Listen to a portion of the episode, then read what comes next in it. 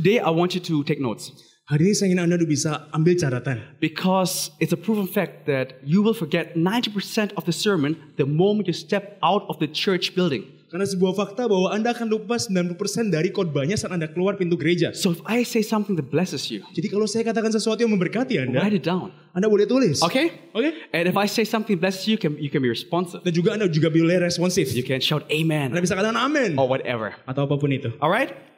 Proverbs 30, verse 24 to 28. Amsal 30 ayat 24 sampai 28. Saya bacakan. Ada empat binatang yang terkecil di bumi tetapi yang sangat cekatan. Semut bangsa tidak kuat tetapi yang menyediakan makanannya di musim panas. Ada juga pelanduk bangsa yang lemah tetapi yang membuat rumahnya di bukit batu. Ayat 27.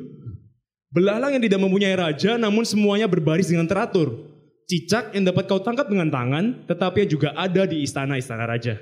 The title of a message today Judul dari pesan hari ini. small but significant. Kecil tapi signifikan. Today, I want to preach on these four creatures. Hari ini saya akan berbicara mengenai empat binatang. And maybe you say, hold on a sec. Mungkin Anda pikir, oh sebentar, I think I heard about them. saya rasanya pernah dengar tentang mereka deh. Three years ago, I used this verse, correct? Tiga tahun lalu saya juga gunakan ayat yang sama. But today, I have a completely different message, basically. Tapi hari ini saya akan buat pesan yang sangat berbeda. And it's going to be a two part series. Akan jadi seri yang dibagi dua. So today, I want to talk about the first two animals. Jadi hari ini saya berbicara mengenai dua uh, binatang yang pertama. And in my next preaching, I'll finish with the last two animals. Baru nanti berikutnya saat sesi ini lagi, uh, seri ini lagi saya selesaikan dua lainnya. And I believe you'll be blessed. Dan saya percaya bahwa Anda akan diberkati. Open your hearts. Bukalah hati Anda. Ready? Apa Anda siap? You know, most proverbs were written by Solomon, Jadi sebagian besar dari Amsal itu kan dibuat oleh Salomo. but not this Salomo. one, not this one. Tapi bukan yang ini. Proverbs 30 was written by a man by the name of Agur. Amsal 30 ditulis oleh seseorang bernama Agur.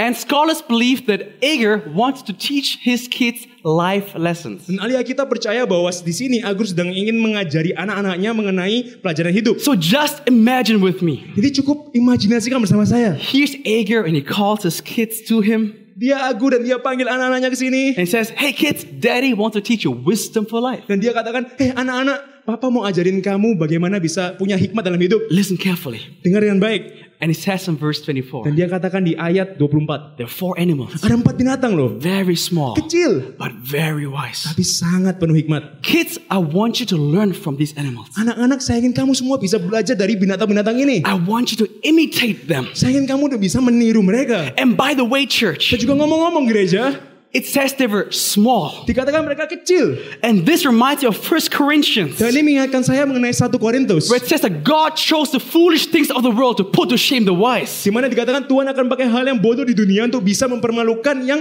uh, pintar. The weak things to put to shame the strong. Hal yang lemah dipakai untuk bisa mengalahkan yang kuat. And this you find throughout the Bible. Dan ini bisa Anda temukan di seluruh Alkitab. Whether it's Abraham, who was too old and too weak to have a child, Ada Abraham yang terlalu lemah, terlalu tua untuk bisa punya anak. yet became the father of many Tapi malah dia menjadi bapak sebelum se- banyak bangsa. Moses, who was stuttering, Uh, Musa yang sebenarnya gagap, yet pastored the largest church in the history of mankind with three million people. tapi ternyata mampu menjadi gembala sebuah gereja terbesar sepanjang sejarah dengan jemaat 3 juta orang. David, a small shepherd boy, becoming the giant slayer of Israel. Daud, gembala yang kecil, dia bisa mengalahkan raksasa bag- bagi Israel. Or Peter, a stupid, uneducated fisherman. Atau Petrus, seorang nelayan yang sendirian nggak terpelajar. But only one of his sermons, 3,000 people repented. Tapi cuma cukup satu khotbahnya 3000 orang bertobat. God specializes in using the foolish things of the world to put to shame the wise. Tuhan itu khususnya untuk eh, memakai orang hal yang bodoh di dunia untuk mempermalukan yang besar. Yes, so bagus. So whoever you are,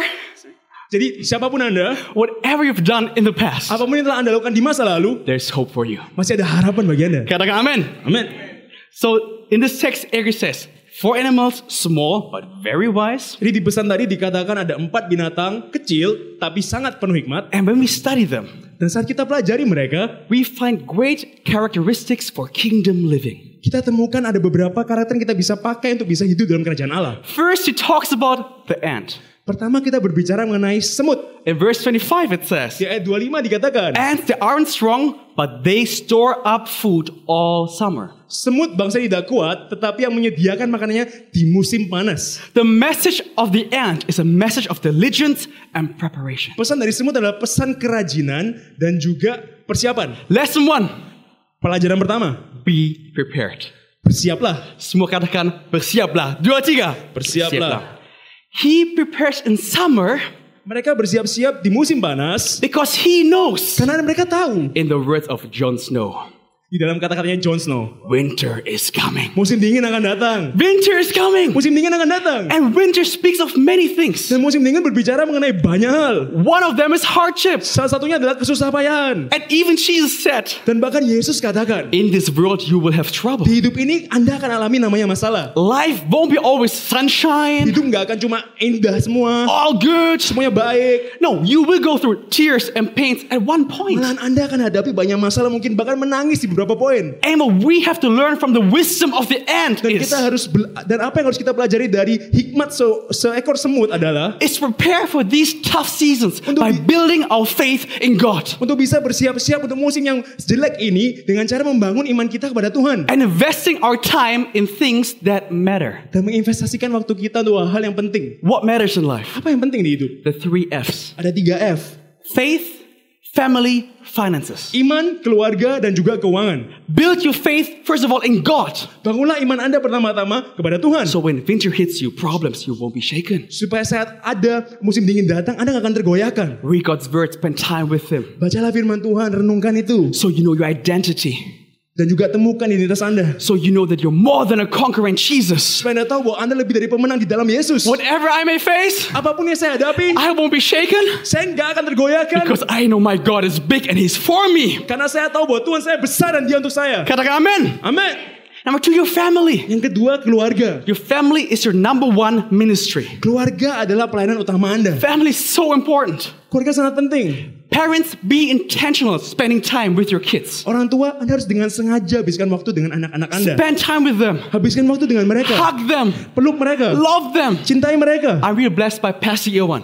Saya sangat diberkati oleh Pastor Irwan. He told me one time that at least once a week he will try to pick up his daughter Franca from school by himself. Dia ajari saya, dia pernah cerita pada saya bahwa sekali seminggu dia akan setiap eh, siapkan waktu untuk bisa menjemput anak-anaknya di sekolah. He wants to make time for that. Dia mau saya sengaja buat waktu In the mereka. midst of a busy schedule. Di tengah-tengah eh, schedule yang sangat penuh. Because Pastor Irwan sense family is important. Karena Pastor Irwan mengerti bahwa keluarga itu penting. Married couples, Eh, orang yang sudah menikah, spend time with your spouse. habiskanlah waktu dengan suami atau istri Anda. After a while being married, the spark can go away. Setelah berapa lama menikah, mungkin Anda merasa nggak indah lagi, mungkin kayak bosen gitu. You need to time to, you need time to spend berdua again. Anda perlu waktu Date untuk berdua again. lagi, kencan lagi. Yeah, have dates. Eh, ambillah kencan. Your kids give them to the mertua and you go dating. Anak-anak Anda titipkan pada mertua dan Anda bisa pergi kencan. Sekali-sekali lah gak apa kan mertua. and number three, your finances. Yang ketiga, keuangan. You gotta really prepare your finances. Anda harus benar-benar menyiapkan keuangan Anda. You know that some of the financial difficulties that you face Bahwa Anda Anda tahu bahwa beberapa eh, kesusahan finansial yang Anda hadapi is because you have a lack of wisdom handling your money. Adalah karena Anda kekurangan hikmat dalam mengatur keuangan. You gotta prepare for your future. Anda harus bisa bersiap-siap untuk masa depan. Listen carefully. Dengar dengan baik. It's not always the devil. Bukan selalu karena iblis. Stop giving the devil credit for things he didn't do. Jangan terus salahkan iblis untuk hal yang sebenarnya nggak dilakukan mereka. Aduh, Pak Pendeta saya bankrupt. You know why you're bankrupt? Kena- Anda tahu kenapa Anda bangkrut? Not Bangkrut because of the devil, bukan karena iblis, but because you were too foya-foya maybe. tapi karena Anda foya-foya mungkin. Stop blaming the devil for things you caused yourself. Jadi berhentilah untuk menyalahkan iblis yang sebenarnya untuk hal-hal yang sebenarnya Anda lakukan sendiri. And I noticed something in Indonesia Dan saya perhatikan sesuatu di Indonesia that people have this habit to not save money for the future. bahwa orang-orang punya sebuah kebiasaan untuk nggak menyimpan uang untuk masa depan. And they love to follow the latest trends. Dan mereka sangat suka untuk ikuti tren terbaru. Eh, ada HP baru, beli. Ambil. Eh, facelift mobil Innova, beli. You always want to be up to date with what you have. Anda selalu ingin menjadi eh, ikut tren gitu. But of course not you. Tapi Life pasti Church. bukan Anda lah. Not you. Bukan Anda. Turn to your neighbor. Tolong kiri kan. Tell them he's not talking about you. Katakan, oh nggak lagi ngomong tentang kamu kok. Not talking about you. you know, many people, the moment they receive their income, Anda tahu bahwa banyak orang eh, di momen di mana mereka terima penghasilan, they spend it right away. mereka langsung habiskan semua. No wonder you're struggling at one point in your life. Ya pastilah Anda akan berusaha payah suatu kali. Listen carefully. Dengar dengan baik. After we pay our taxes Setelah kita bayar pajak kita, and we give our tithe, setelah kita berikan perpuluhan, we give a tithe to God, kita berikan perpuluhan pada Tuhan, there's uh, something called the 50, 30, 20 uh, budget. Ada namanya pengaturan budget 50 30 20. 50 is for your needs. 50 adalah untuk kebutuhan. So you get your income. You, first, you give your tithe, of course. Jadi Anda terima penghasilan pertama Anda berikan perpuluhan. You give to the poor. You give your offerings. I don't include it here because that's you should live. That's a lifestyle, of Anda boleh course. berikan untuk orang yang miskin, untuk sebuah persembahan. Tapi saya nggak tulis di sini karena itu adalah sebuah lifestyle. So 50 for your needs. 50 untuk kebutuhan. Your school fees, Eh, biaya sekolah, food, electricity, your bills. makanan, atau mungkin eh, listrik. 30% for your wants. 30% untuk keinginan-keinginan. What you like to have.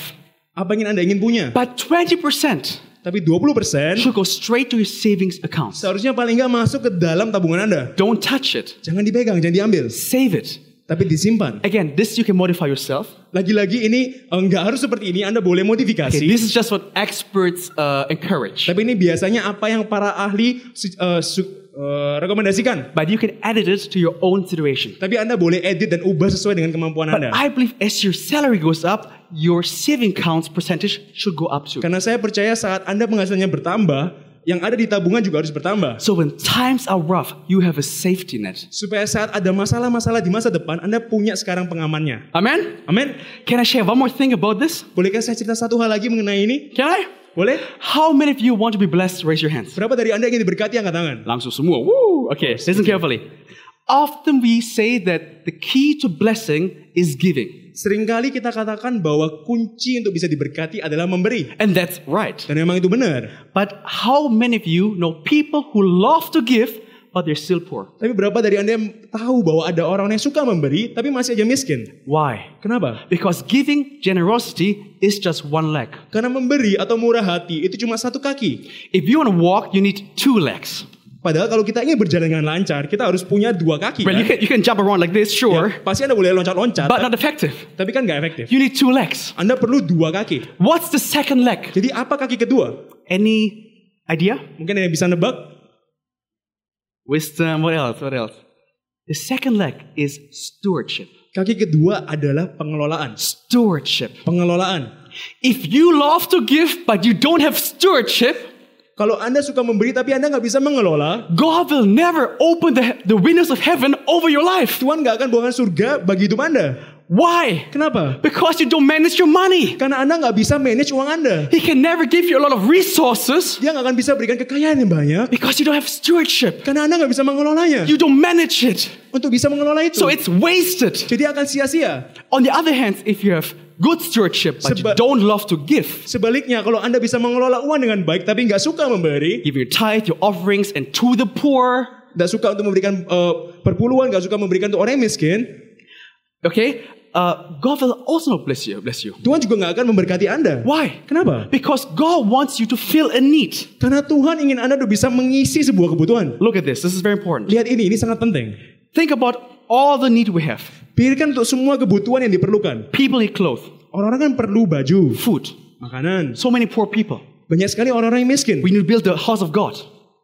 You need to build Dan kita God's juga house. perlu untuk membangun rumah Tuhan. Missionaries need to be sent out. Misionaris kita perlu kirimkan. The gospel spread.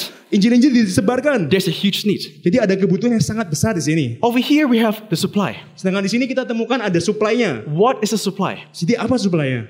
God is the supply Tuhanlah supply-nya. because He owns everything. Karena dialah yang memiliki segala hal. So supply and demand. Jadi ada supply itu adalah kebutuhan. What's in between? Jadi apa yang ada di tengah? You.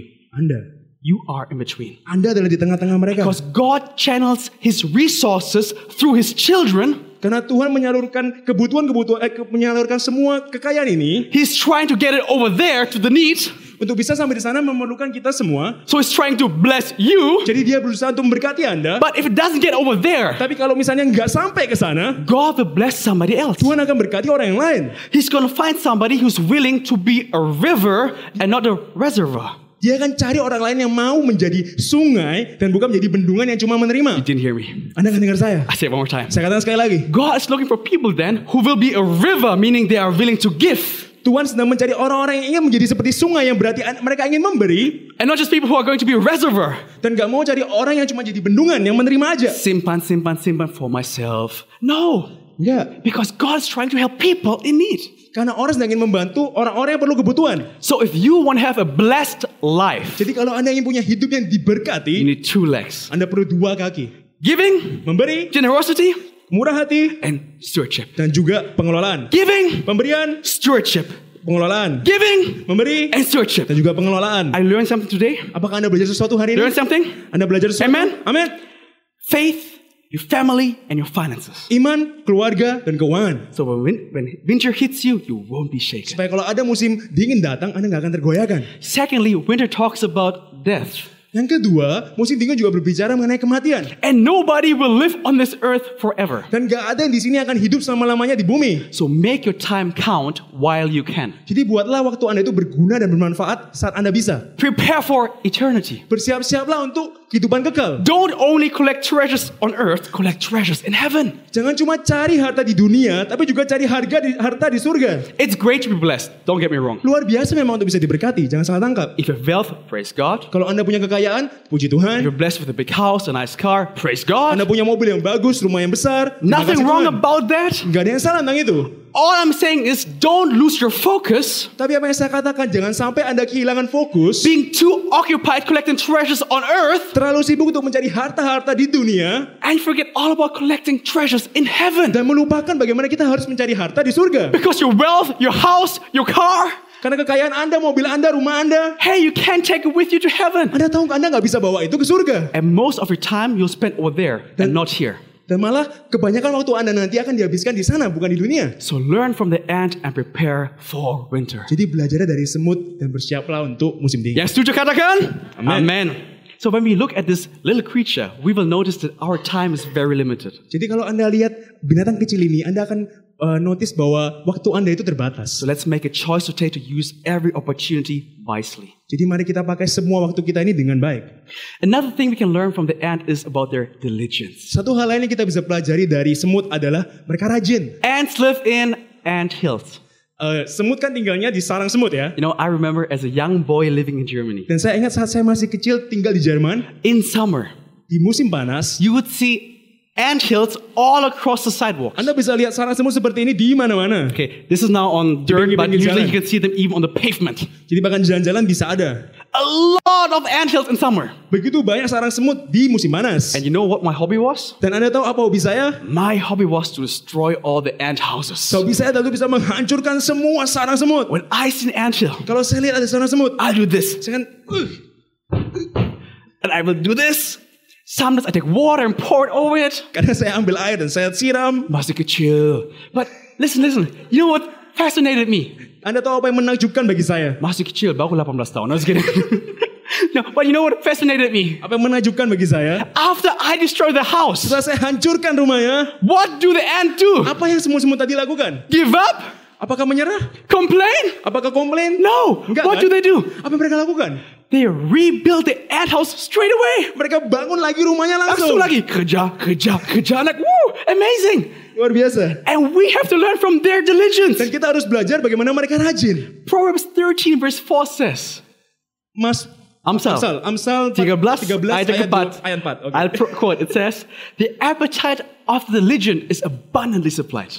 Orang-orang yang rajin akan disuplai dengan reward yang luar biasa. Amen. Amen. God longs to pour his blessings and favor over your life. Uh, Tuhan ingin menyiramkan semua berkatnya untuk anak-anaknya. He longs to show you his goodness and his provision. Dan dia suka tunjukkan kebaikannya dan juga per- uh, penyediaannya. He promises to do his part, Dia dia berjanji untuk bisa melakukan apa yang dia bisa. but you gotta do your part too. Tapi Anda juga harus lakukan apa yang Anda bisa. Gotta be diligent. Anda harus rajin. First of all, be diligent in seeking his will. Pertama-tama rajinlah untuk bisa mengetahui kendaknya. And then be diligent doing what God has given you. Dan juga rajinlah yang kedua untuk bisa mengelola apa yang sudah diberikan Tuhan. Your time and your resources.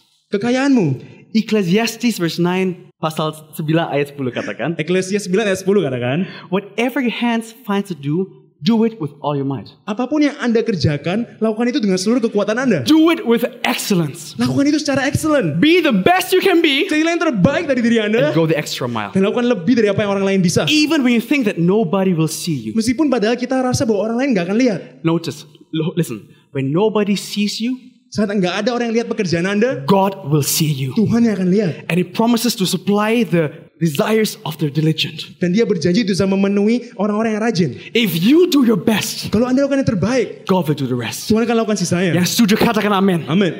Amen. Luke 16 verse 10 says, Lukas 16 ayat 10 katakan, Whoever can be trusted with very little can be also trusted with much. Barang siapa yang setia dalam perkara-perkara kecil, ia setia juga dalam perkara-perkara besar. I want to share a quick story.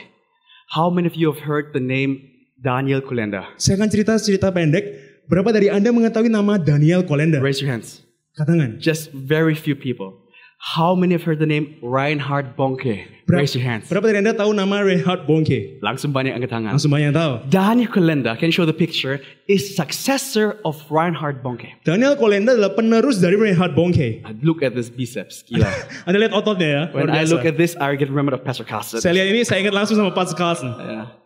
He is successor to one of the largest ministries in the world. Dia adalah penerus dari bahkan mungkin pelayanan terbesar di dunia called Christ for All Nations. yang bernama Kristus bagi seluruh bangsa. But do you know how he started his ministry? Tapi apakah Anda tahu bagaimana dia memulai pelayanannya? In a Di warehouse. dalam sebuah gudang. His journey with the ministry Christ for All Nations started in their warehouse. Perjalanannya dengan salah satu pelayanan terbesar di dunia Christ for All Nations itu dimulai dari sebuah gudang. His job was stocking all the shelves Tugasnya adalah untuk bisa memasukkan barang-barang ke dalam lemari. and sending mails for the ministry. Dan kirimkan juga surat-surat untuk pelayanan itu. This wasn't a ministry position. Ini bukan sebuah pelayanan yang luar biasa. He had no title.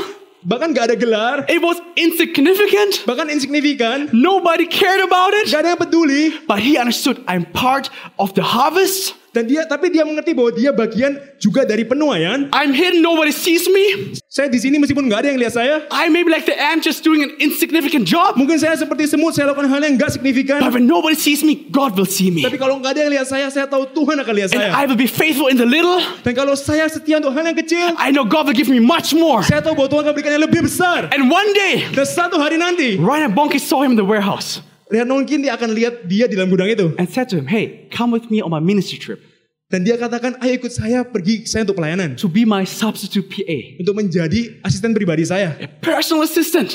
Jadi asisten pribadi. On this trip, Ryan Bonke got close to Daniel Di dalam trip ini tiba-tiba Reinhard Bongki dekat dengan Daniel. and, and he saw God's hand on Daniel Kalenda. Dan dia bisa melihat bagaimana Tuhan bekerja di dalam Daniel. And one day God said to Reinhard Bonke, Dan satu hari Tuhan katakan pada Reinhard Bongke, the anointed must be appointed. yang terurapi harus dipilih. And that was the time where he slowly gave him more responsibility. Itulah di mana dia mulai berikan lebih tanggung jawab kepada Daniel. And in 2009, Dan di 2009, 2009 Daniel Kalenda became the president of Christ for All Nations, the biggest, or one of the biggest ministries in the world. Daniel Kolenda menjadi presiden dari Christ for All Nations, salah satu pelayanan terbesar di dunia. Woo! From zero to hero. Luar biasa dari nol menjadi begitu luar biasa. From nobody to Jadi somebody. bukan siapa-siapa menjadi orang yang sangat penting. If God can trust you with a little, Kalau Tuhan bisa berikan Anda yang kecil, God will give you much, much more. Tuhan juga akan berikan yang besar. New Life Church, I'm here to tell you. Di nafsu saya sini untuk katakan pada Anda, If you're faithful, kalau Anda setia, even though nobody will see you, meskipun gak ada yang lihat Anda, God will see you. Tuhan akan lihat Anda. And promotion is on your way. Promosi sedang datang. If you believe it, give, God one more time a Kalau big, big percaya, berikan hand. tepuk tangan bagi Yesus tempat ini.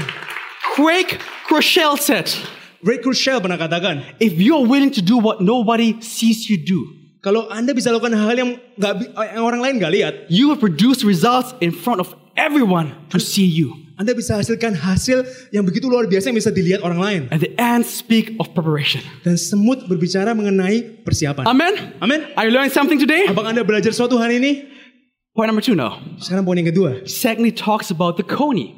Sekarang kita berbicara mengenai pelanduk. Coney. Pelanduk. Verse 26. Ayat 26. It says, Conies, they aren't powerful, but they make their homes among the rocks. Dikatakan pelanduk bangsa yang lemah tetapi membuat rumahnya di bukit batu. Let me show you how a coney looks like. Biar saya tunjukkan eh, pelanduk itu seperti apa. Lucia, that's a coney. This morning we had a huge debate about what's a coney in. Uh, I, I said, I said it looks like a guinea pig. It's very small, like a guinea pig. Yeah. What's a guinea pig? Marmot. Now we have it. Okay. It's, it's like a marmot. A coney is very small and very weak. Dan pelanduk itu sangat kecil dan sangat lemah. He's timid and defenseless. Dan sangat malu dan gak ada pertahanan. They have short legs. Mereka kakinya kecil, pendek. They're, therefore, they're not fast like other animals. Karena itu mereka gak bisa berjalan cepat seperti binatang lain. And because of their shortcomings, Dan karena kekurangan-kekurangan ini, instinctively, Secara insting- for the rocks to hide in. mereka akan cari batu-batu di mana mereka bisa sembunyi. He makes his home in the rock. Mereka bangun rumahnya di dalam batu. And Proverbs 30 is very prophetic. Amsal 30 sangat profetik. This was written 900 years before Jesus. Ini ditulis bahkan 900 tahun sebelum Yesus datang. But it speaks of things to come. Tapi bahkan berbicara mengenai hal-hal yang akan datang. Because the rock in the Bible Karena batu di Alkitab always speaks of selalu berbicara mengenai Yesus. Jesus. It always speaks of Jesus. And the message of the Coney is a message of habitation and protection. Pesan mengenai Koni selalu berbicara mengenai pesan eh, perlindungan Yes. And, and Dan juga- habitation. habitation apa ya? Tempat tinggal. Ya, tempat tinggal. Okay. Being planted in Christ. Untuk bisa tertanam dalam Kristus. Lesson two. Pelajaran kedua, Be planted. Jadi tertanamlah. Write it down. Be planted. Anda boleh tulis tertanam. Planted in what? Tertanam tertanam di dalam apa? In Christ alone, your Di cornerstone. dalam Kristus saja, yaitu batu penjuru. Build your life around Him. Bangunlah hidup Anda di sekelilingnya. The Cody knows that out there, he doesn't stand a chance. Pelanduknya mengerti bahwa di luar sana dia nggak punya kesempatan untuk bisa bertahan hidup. He's aware of his own weaknesses. Karena dia sadar kelemahan-kelemahannya. He realizes that he needs to depend on something that's bigger and greater than himself for security. Dia mengerti bahwa dia harus bertahan hidup dengan cara bergantung diri pada orang yang lebih luar biasa dari dia. And in his wisdom, he says, Dan dengan hikmatnya dia katakan, I'm not very strong, saya nggak kuat, but if I dwell in the rock, tapi kalau saya tinggal dalam batu, the rock is strong. batunya akan kuat. I don't know how to fight, Saya nggak tahu caranya bertengkar. but if I live in the rock, Tapi kalau saya tinggal dalam batu, nothing can hurt me. nggak ada yang bisa lukai saya. I can't run fast enough. Saya mungkin nggak begitu cepat. But when I stay on this rock, Tapi kalau saya tetap berdiam dalam batu, I don't need to run. saya nggak perlu lari. All I need to do is to be planted to live on this rock. Apa yang saya perlu lakukan cuma tertanam saja tinggal dalam batu ini. How about you, New Life Church? Bagaimana dengan Anda New Life Church? Where do you plan to trust in? Di mana Anda berencana untuk bisa percaya? David said in Psalm 61, Daud katakan dalam Ma- Mazmur 61, When my heart is overwhelmed, saat hati saya rasanya berat, lead me to the rock that's higher than I. pimpinlah kepada batu yang lebih luar biasa pada saya. When I feel weak, Saat saya merasa lemah, when I feel saat tempted, saya merasa tergoda, when I feel that those that are coming against me saat saya merasa begitu banyak yang datang menyerang saya, are greater than my ability to overcome them, yang lebih lebih besar daripada kemampuan saya untuk bisa bertahan, then I gotta have the sense of the Coney maka saya harus punya hikmat seperti pelanduk to make my home in the rock, untuk bisa bangun rumah di batu, to abide in Jesus, untuk bisa terus menempel pada to Yesus, planted in untuk Jesus. bisa tertanam pada Yesus. The rock will protect me. Batunya akan melindungi saya. The rock will preserve me. Batunya akan membuat saya bertahan. The rock will be my strong tower. Batunya akan menjadi seperti eh, tower yang luar The biasa. rock will hide me in times of trouble. Batunya akan menyembuhkan saya saat ada masalah. The rock is your strength. Batunya adalah kekuatan Anda. Many people hide in many things. Banyak orang bersembunyi dengan menggunakan banyak hal. Some people hide behind their wealth. Beberapa orang mungkin sembunyi dengan menggunakan uang mereka. They think because they're financially secure, Mereka berpikir karena mereka sebenarnya aman secara finansial. they have security. kan ada eh, keuangan uang uangnya banyak. And they spend their health getting wealth. Jadi mereka habiskan kesehatan mereka untuk mendapatkan uang So one day they're old dan satu suatu hari mereka tua and it turns around dan terbalik, and they spend their wealth trying to get their health back. maka mereka akan habiskan uang mereka untuk bisa kembalikan kesehatan mereka. But true protection you can only find when you abide in Jesus Christ. Tapi proteksi yang paling sempurna itu cuma bisa dapatkan kalau Anda menempel pada Kristus. Amen. Amin. Psalm 62 says, Mazmur 62 katakan, He alone is my rock and my salvation. Dialah sendiri batu saya dan juga keselamatanku. He is my fortress. I will not be shaken. Dialah bentengku, aku nggak akan pernah tergoyahkan. And notice it says that they not only run to the rock when they're in trouble. No. Dan perhatikan bahwa di sini mereka nggak cuma lari ke batu saat ada masalah. It says they build a house among the rocks. Jadi mereka bangun rumahnya di dalam batu. They choose to live close to its presence Jadi mereka memilih untuk bisa hidup dekat dengan hadiratnya. because He knows. Karena mereka tahu, If I get out there and I get in trouble, I'm too far. kalau saya keluar ke sana dan saya terlalu jauh dari batu, I might not be fast enough with my short legs to make it back in time to the rock. mungkin kalau ada masalah saya nggak punya cukup waktu untuk bisa kembali dengan cepat ke rumah saya. And same with us. Dan sama seperti kita semua. Don't just run to Jesus when you're in trouble, Jangan cuma cari ke Yesus saat Anda ada masalah. but be planted in Jesus. Tapi tertanamlah dalam Kristus. Build your life on Christ. Bangunlah hidup Anda pada Yesus. Be planted in the house of God. Tertanamlah dalam rumah Tuhan. The safest place on earth is to be in the will of God. Tempat yang paling aman di dunia adalah dalam kehendak Tuhan. But here's something that's very important. Tapi ada sesuatu yang sangat penting. Think about this. Berpikir tentang ini. Just imagine with me. Cukup imajinasikan dengan saya. The Coney could think, Pelanduk tadi bisa berpikir, hmm, this is so unfair. Hmm ini nggak fair ya. I'm really missing out. Saya benar-benar ketinggalan banyak hal. While all the other animals are out there having fun, Saat semua banyak binatang lain di sana happy-happy, I have to stay close to this rock. saya harus tetap deket dengan batu ini. This is boring. Ini kan membosankan. I want to be over there. I want to have fun. Saya benar mau ke sana, mau have fun. I, I'm missing out. Saya sekarang ketinggalan banyak hal. You cannot believe how many Christians come to me. Anda nggak bisa percaya bagaimana begitu banyak orang Kristen datang pada And saya. they say, Pastor Dennis, it's no fun being a Christian. Dan mereka katakan, aduh nggak asik jadi orang Kristen. You can't do this, you can't do that. Gak boleh gini, gak boleh gitu. Don't you ever feel like you're missing out, Pastor Dennis? Apakah Anda nggak pernah merasa kalau Anda ketinggalan banyak hal? Can I be honest with you? Bolehkah saya jujur?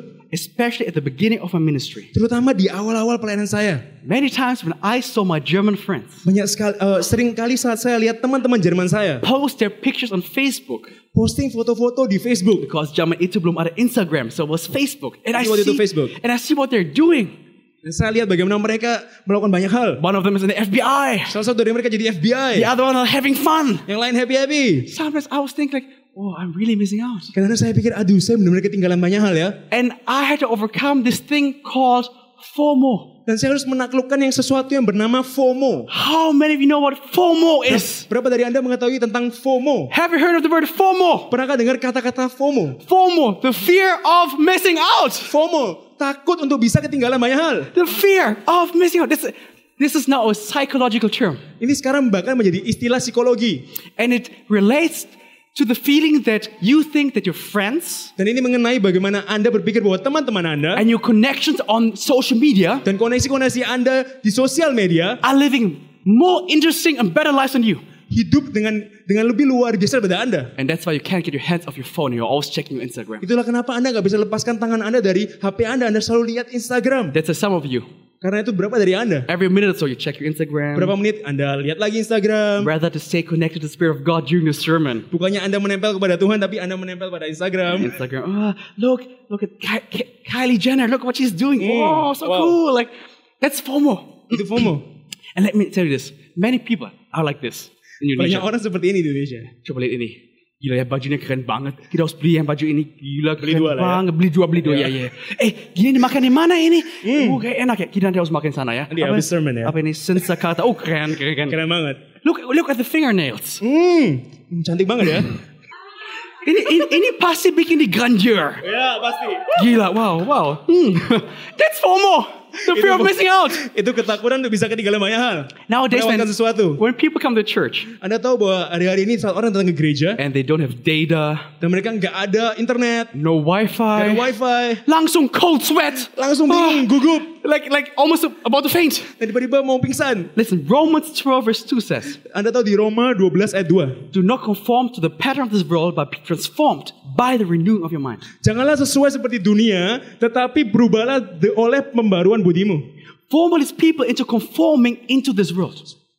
To people conforming into this world FOMO membuat orang-orang untuk menjadi serupa seperti dunia. rather than conform themselves to the word of God. Padahal Anda seharusnya harus serupa seperti firman Tuhan. FOMO causes you to to compromise your values FOMO membuat Anda untuk menjadi kompromi mengenai nilai-nilai kehidupan Anda. at the expense of your calling and your purpose. Dengan mengorbankan calling Anda, tujuan Anda. FOMO will call you, cause you to sacrifice FOMO itu membuat Anda untuk bisa mengorbankan sesuatu. what is precious to something just temporary. Mengorbankan sesuatu yang sebenarnya berharga untuk sesuatu yang cuma sementara. New Life Church, I'm here to tell you, Sudah saya di sini untuk katakan pada Anda. you must not have FOMO, Anda harusnya nggak dapatkan FOMO ini. the fear of missing out. Jangan sampai ke- takut kehilangan sesuatu yang sebenarnya penting. You know what you need? You need to have the fear of the Lord. Anda nggak boleh dapat FOMO, tapi Anda harusnya takut akan Tuhan. The fear of the Lord. Takut akan Tuhan. Eh, takut ya? No, no, no.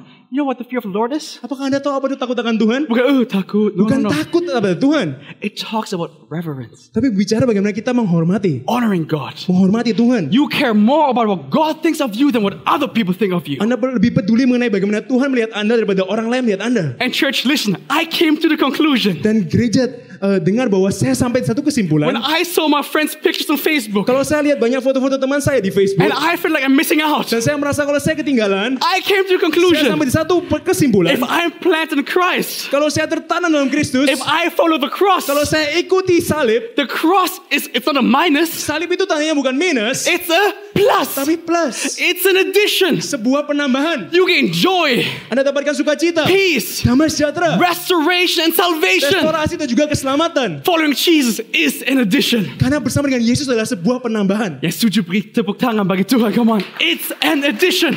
Adalah sebuah penambahan. So maybe some of you today, you feel like you're missing out. Jadi beberapa dari Anda mungkin Anda rasa, aduh saya melewatkan banyak hal. Maybe because you live a life of integrity. Karena mungkin Anda hidupi hidup yang penuh integritas. People treat you unfairly at your school, in your campus, at work. Orang-orang yang diperlakukan secara tidak fair di, eh, di sekolah, di tempat kerja. You miss out business deals. Dan Anda mungkin kelewatan banyak business deal. Your life church this morning, some of you, you need to hear this. Bila Acus Anda tahu beberapa dari Anda di sini perlu dengan ini. Just because you feel left out doesn't mean that Jesus has forgotten all about you. Karena Anda bukan karena Anda merasa bahwa Anda ketinggalan banyak sesuatu itu bukan berarti bahwa Tuhan meninggalkan Anda.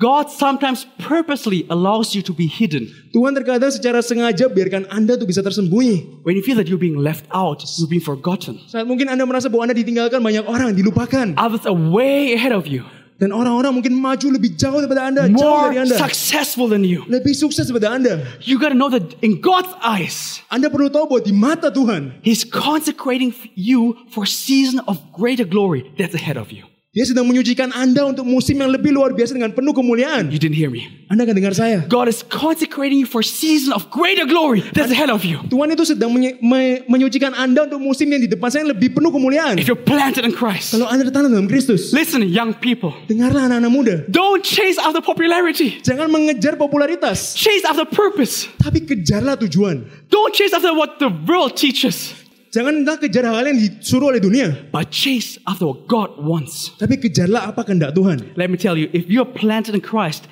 it will help you realize Kalau Anda tertanam dalam Kristus, maka akan membantu Anda untuk menyadari what is valuable and what's disposable. apa yang penting dan apa yang nggak penting. What is eternal in effect Apa yang secara eh, natur adalah kekal and what's just temporary. dan apa yang sementara. And young people, if you're planted in Christ, Dan anak-anak muda, kalau Anda tertanam dalam Kristus, you will recognize character over talent. Anda bisa mengerti bahwa karakter itu melebihi bakat. And when you're looking for your future husband or future wife, Jadi kalau Anda mungkin mencari eh, suami atau istri masa depan, if you're planted, kalau Anda tertanam, you will choose godly over handsomeness. Anda akan memilih yang cinta Tuhan daripada yang ganteng atau yang cantik. Yang setuju katakan? Yang katakan amen sedikit sekali. You gotta look at this meme. Okay, you gotta learn from Drake.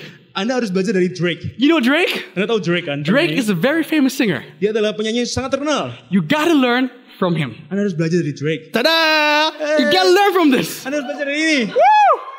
Choose godly. Okay, first of all, Pastor Cass is very handsome. Eh, pertama-tama Pastor Kasen ganteng kok. Pamps, Pepsodent smile. Senyumnya Pepsodent.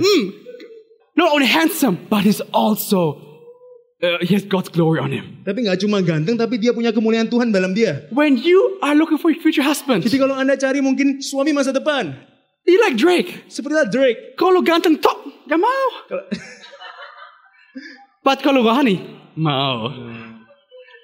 Because if you have the face, Karena kalau mungkin Anda ganteng atau cantik, you have the face, you might not have the glory of God in your face. Anda mungkin nggak punya kemuliaan Tuhan di muka itu. So young people, you gotta choose God over handsomeness. Jadi jadi eh, anak-anak muda harus pilih Tuhan yang yang cinta Tuhan daripada yang ganteng atau Yang cantik. setuju katakan? Amin. Intinya, be planted in Christ. Intinya adalah tertanam dalam Kristus. Yang setuju katakan? Amin. Don't feel like you're missing out because the cross is not a minus, it's an addition. Jangan pernah merasa bahwa Anda ketinggalan banyak hal karena salib itu bukan minus tapi plus. Musicians come on stage right now. Para musik bisa maju. I want to close with this quick testimony. Saya akan tutup dengan kesaksian singkat. I want to share uh, a quick story of one of our members, Saya akan cerita sebuah cerita pendek dari salah satu jemaat kita, which is Pa Aris. yaitu Pak Aris. And uh, he was telling me this a few months ago, actually. Dia sebenarnya ceritakan ini kepada saya beberapa bulan yang lalu. And I asked him, I called him yesterday if I have the, if the permission shared with you. Dan saya telepon dia kemarin untuk bisa meminta izin untuk bercerita. So this is his testimony. Ini adalah kesaksiannya. Okay, so six years ago when we started New Life Church, Jadi enam tahun yang lalu saat kita mulai New Life Church, Pa Aris also basically uh, started his business. Pak Aris sebenarnya saat itu juga memulai bisnisnya. So we started to build the house of God, Jadi kita mulai membangun tu, eh, rumah Tuhan and he was building his business. dan dia juga membangun bisnisnya. And somehow he felt that at the same time when he chose to be under the vision, Dan, dan kadang dia merasa bahwa saat dia memilih untuk bisa ikut dari visi ini, when he was planted, saat dia tertanam that as the church grew, dan saat gereja ini bertumbuh, somehow his business also grew. sebenarnya bisnisnya juga ikut bertumbuh. At the church, we talk about divine timing. Di dalam gereja kita katakan mengenai waktu ilahi. He experienced divine timing. Dia juga dia juga alami waktu ilahi. We talk about level up. Kita bicara mengenai level up atau He level. experienced level up. Dia juga alami namanya naik level. Somehow as the church flourished, he also flourished. Seolah-olah saat gereja ini sedang luar biasa, dia juga luar biasa. Of course, it many challenges, of course. Tentunya pasti banyak masalah lah, banyak banyak tantangan. Pastilah. Starting business, of course, many challenges. Kita menjalankan sebuah bisnis pasti banyak tantangan. But the Bible says Tapi Alkitab katakan that God is rewarder for those who diligently seek Him.